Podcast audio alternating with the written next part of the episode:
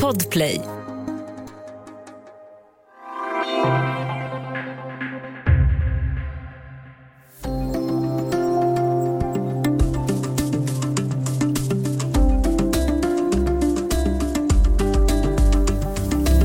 En jury av 14 amerikaner ska avgöra framtiden för Derek Chauvin, den polisman som höll sitt knä mot George Floyds nacke. George Floyds död i slutet av maj förra året skakade hela USA, trots att polisvåld mot afroamerikaner inte är något nytt. Nu pågår rättegången mot polismannen. Frågan är vad den betyder. Välkommen till Studio DN. Jag heter Sanna Thorén Björling.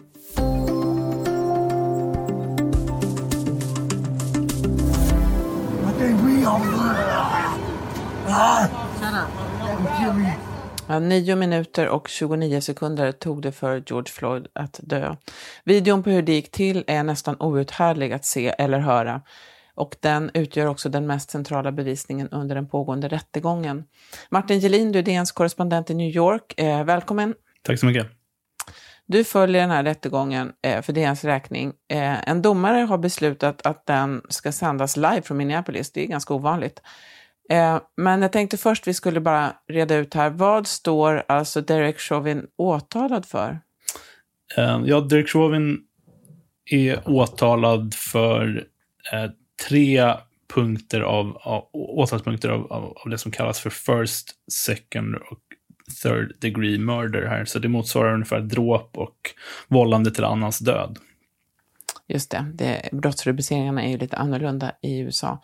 Och eh, det är ju då pandemi och i rättssalen så befinner sig bland annat juryn och domaren och de alltså försvarsadvokaten och förstås den, den eh, tilltalade. Men jag tänkte vi skulle uppehålla oss lite vid det här systemet med en jury. Det är ju eh, ett speciellt system som man har i USA. Det är ju alltså vanliga medborgare, men det är ju inte några nämndemän i någon svensk eh, bemärkelse. Eh, kan inte du berätta lite grann om det här jurysystemet? Alla kallas till någon slags jury duty. Varför då? Ja, även jag har kallats, kallats till jury duty här. Um, det, det, alla medborgare i USA får, eller, eller till och med invandrare som jag, som inte ens är medborgare, uh, får, får uh, förr eller senare hem ett brev där de inkallas till, till, till jury. Det är ett system som, som uh, USA ärvde från Storbritannien uh, med, med Eh, där det står helt enkelt i grundlagen i USA att alla ska ha rätt till, till en, till en eh, snabb och rättvis rättegång med, med, med jurymedlemmar. Eh, och det är ju vanliga amerikaner som väljs ut för att representera det distrikt där rättegången äger rum. Eh, och det som, något som skiljer det från, från det brittiska systemet är att man eh, aktivt gör ett urval som ska spegla hur befolkningen ser ut i, i, i, den, i, i det distriktet. Så till exempel försöka, de försöker ofta undvika då att det bara är till exempel vita eller bara svarta jurymedlemmar, utan att det ungefär speglar, speglar den, den befolkning som, som bor i området. Och så när man har jury duty under en viss tidsperiod, då kan det hända att man blir kallad helt enkelt till att nu ska du sitta och vara med och döma den här rättegången X eller Y. Precis. Just det. då, får man, då får man ta ledigt från jobbet i en, en månad eller så. Ja, just det. Eh, och sen handlar det också om att man ska försöka hitta eh, jurymedlemmar som inte är, man får inte vara jävig då till exempel, eh, och man ska vara så neutral som möjligt och som du sa, representativ. I det här fallet, som ju är enormt eh, uppmärksammat och har dominerat amerikansk politik, utöver valet så är det ju detta som har fullständigt dominerat. Hur har, det, hur har det gått till för att, hur har man gjort för att hitta en opartisk jury i just det här fallet? Ja, det var en ovanligt omständig process just för att de ville undvika jurymedlemmar som hade en tydlig, som hade liksom tagit tydlig ställning för eh, kanske Black Lives Matter-rörelsen eller för polisen.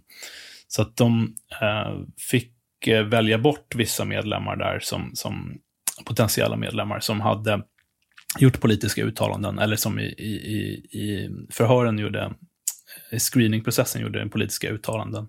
Men även vissa som har fick vara med i juryn har, har, har gjort uttalanden som, som kritiker kan tycka är, är, är problematiska.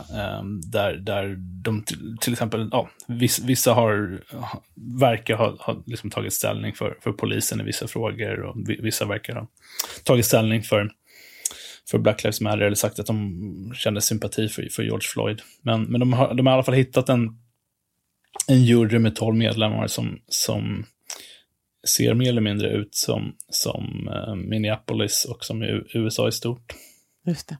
det är spännande, för att det handlar väl om att man, just det att man inte ska eh, ha tagit ty tydlig ställning, handlar väl om att man ska kunna låta sig övertalas eller övertygas snarare då om att eh, båda sidor har rätt eller fel. Man ska inte vara helt fastlåst i, i skuldfrågan. Eh, eller hur? Det är väl, precis, det är väl en... precis. Och, jag menar, ett kontroversiellt krav de hade var att jurymedlemmarna inte skulle ha sett eller uttryckt en åsikt om, om, om videon. Eh, men det har ju nästan hela USA gjort och, och det, det, blir ju själv en... Um, att, att, att välja då jurymedlemmar som inte har alls liksom följt den här nyhetsutvecklingen blir ju i sig, kanske i sig säger någonting om deras politiska eh, samhällssyn. Mm. Uh, och det fanns ju även en, ett exempel på en jurymedlem som, eller en potentiell jurymedlem som valdes bort för att han, en svart man som sa att han själv hade upplevt diskriminering varje dag. Um, och det, det, är ju en lite problematisk bild av att liksom, den som har drabbats av diskriminering inte skulle vara lika neutral som, som den som inte har gjort det. Det förutsätter på något sätt att vita då skulle vara mer neutrala än, än svarta. Just det. Ibland i sådana här väldigt laddade rättegångar så flyttar man ju dem till, till mer neutral mark. Och det var ju på förslag här också, men det gjorde man inte. Eh, vet du hur man resonerade där?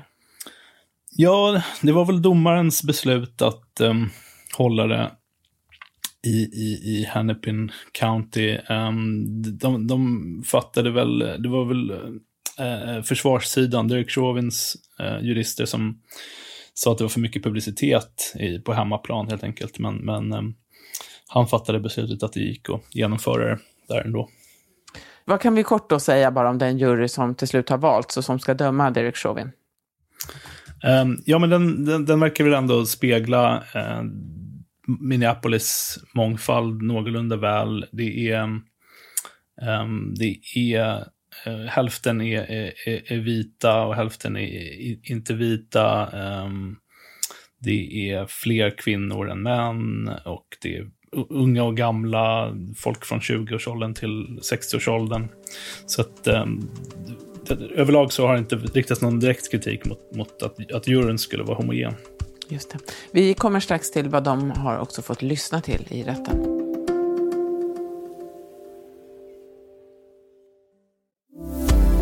It's been nights. I stayed up apologizing and apologizing to George Floyd for not doing more and not physically interacting and not saving his life. Ja, Darnella Frazier, det här vittnesmålet kommer alltså från den unga kvinna som spelade in den här filmen som visar hela förloppet. Det är ju svårt för vem som helst att värja sig mot det här. Eh, vilket intryck tror, tror du att det här vittnesmålet gjorde i rättssalen? Ja, det var väl ett av, ett av många vittnesmål som gjorde att den här händelsen kändes verklig igen. Det har ju liksom den eh, videon på eh, händelsen gav ju upphov till gigantiska protester här hela förra året över hela världen med 26 miljoner amerikaner som deltog i protester. Och det har ju liksom blivit en, den har fått en nästan mytologisk aura kring sig, den här videon. Men, men nu känns det verkligt igen. Man blir påmind om att det var riktiga människor som, som drabbades och det var riktiga människor som bevittnade det här. Darnella, Darnella Fraser som, som det här vittnesmålet kom från var 17 år när hon, när hon såg det här. Hon beskrev just hur traumatiserande det var att se en, se en människa som dödades och, och, inte, inte ingripa, inte göra mer. Men hon påminde också slutet av sitt vittnesmål om att fokus ska inte vara på vad hon, vad hon borde ha gjort, utan på vad Derek Chauvin borde ha gjort, polisen. Mm, det. Och det finns ju hans sida också. Eh, Eric J. Nelson som är eh, Derek Chauvins advokat, han sa inledningsvis bland annat att, att hans klient bara gjorde vad som egentligen ingick i hans tjänst. Så här lät det. And you will learn that Derek Chauvin did exactly what he had been trained to do over the course of his 19 year career. The use of force is not attractive, but it is a necessary component of policing. Ja, vad tror du, den här typen av eh, vittnesmål och argument, eh, hur tror du det faller? Det är som du säger, det är en enorm diskussion. Historiskt sett så har ju den här typen av argument vunnit i många av de här fallen. Um, och det är ju väldigt sällsynt att poliser ens kommer så här långt, att det ens blir en, blir en riktig rättegång med en jury som får avgöra deras öde. I vanliga fall så, så reds sådana här fall ut internt på, på poliskåren med, med väldigt lindriga följder för, för polisen. Och eh, men ett av de mest kända fallen eh, på polisvåld var ju Rodney King eh, i Los Angeles 1991, där eh, fyra poliser åtalades för, för väldigt grov misshandel, som också hade filmat på video och, och frikändes för det. Eh, vilket ledde till enorma protester. Eh, så, så Ehm, det, finns ju en, det finns ju en bred sympati i USA för polisens arbetsuppgifter och för en väldigt hårdhänt polis. Om det har förändrats eh, det senaste året är väl det som blir intressant att se med just det här fallet. Mm. De hävdar väl också att dels att han att valet var befogat och att eh, Eh, George Floyd var en stor man som hade problem med droger och dessutom hade hjärt, eh, fick hjärtproblem, eller hur? Det är väl ungefär så deras argumentation går. Ja, precis. Det är också väldigt vanligt i de här fallen att, att eh, framförallt när det handlar om vita polisers eh, våld mot svarta män så försöker man framställa framställa, framställa liksom offret som, som eh, ett hot. Um, så, så det, det är också den klassiska, klassiska spelboken för polisers försvarsargument. Det är ju en väldigt laddad rättegång, många som följer den. Det, det är många långa vittnesförhör och rättegången väntas ju pågå i flera veckor. Det är också ett stort ansvar på, den, på den här juryn och det finns också en hotbild eh, mot dem. Va, vad säger det om, om det här eh, målets betydelse? Ja, jag menar, det, är ju den, det är ju den mest politiskt laddade frågan i USA det här. Det finns nog ingenting som väcker så starka känslor eh, och så mycket hat och vrede som, som, som polisvåld, som, som eh, vita polisers våld mot svarta. Så att eh, det kommer garanterat bli väldigt högljudda reaktioner oavsett hur, hur det slutar. Eh, skulle, skulle Chauvin frias så kommer det förmodligen bli massiva landsomfattande protester. Skulle han dömas så är det också risk att, att juryn eh, får hot, eh, hotas av, av liksom högerextremister och folk med, med stöd för polisen till exempel. Mm. Och hela gång, rättegången leds ju alltså av, av en domare här som heter Peter Cahill. Eh, vad spelar han för roll under den här processen? Um, ja, men han är ju som domare i amerikanska rättsprocesser som någon slags dirigent över hela över hela verksamheten. Um, men han, är, han har väl fått titels, eh, inte fått någon hårdare kritik. Han har ju en ganska eh, blandad bakgrund eh, och har, har ehm, tidigare dömt fall både till förmån för Black Lives Matter i ett, i ett fall där han eh, där de friades från, från eh, åtal om vandalisering. Ehm, Eh, men även dömt till, till förmån för polisen i ett annat fall där han, där, som gällde just eh, hårdhänta våldsamma metoder från polisen. Så att, just det, han verkar vara väldigt erfaren.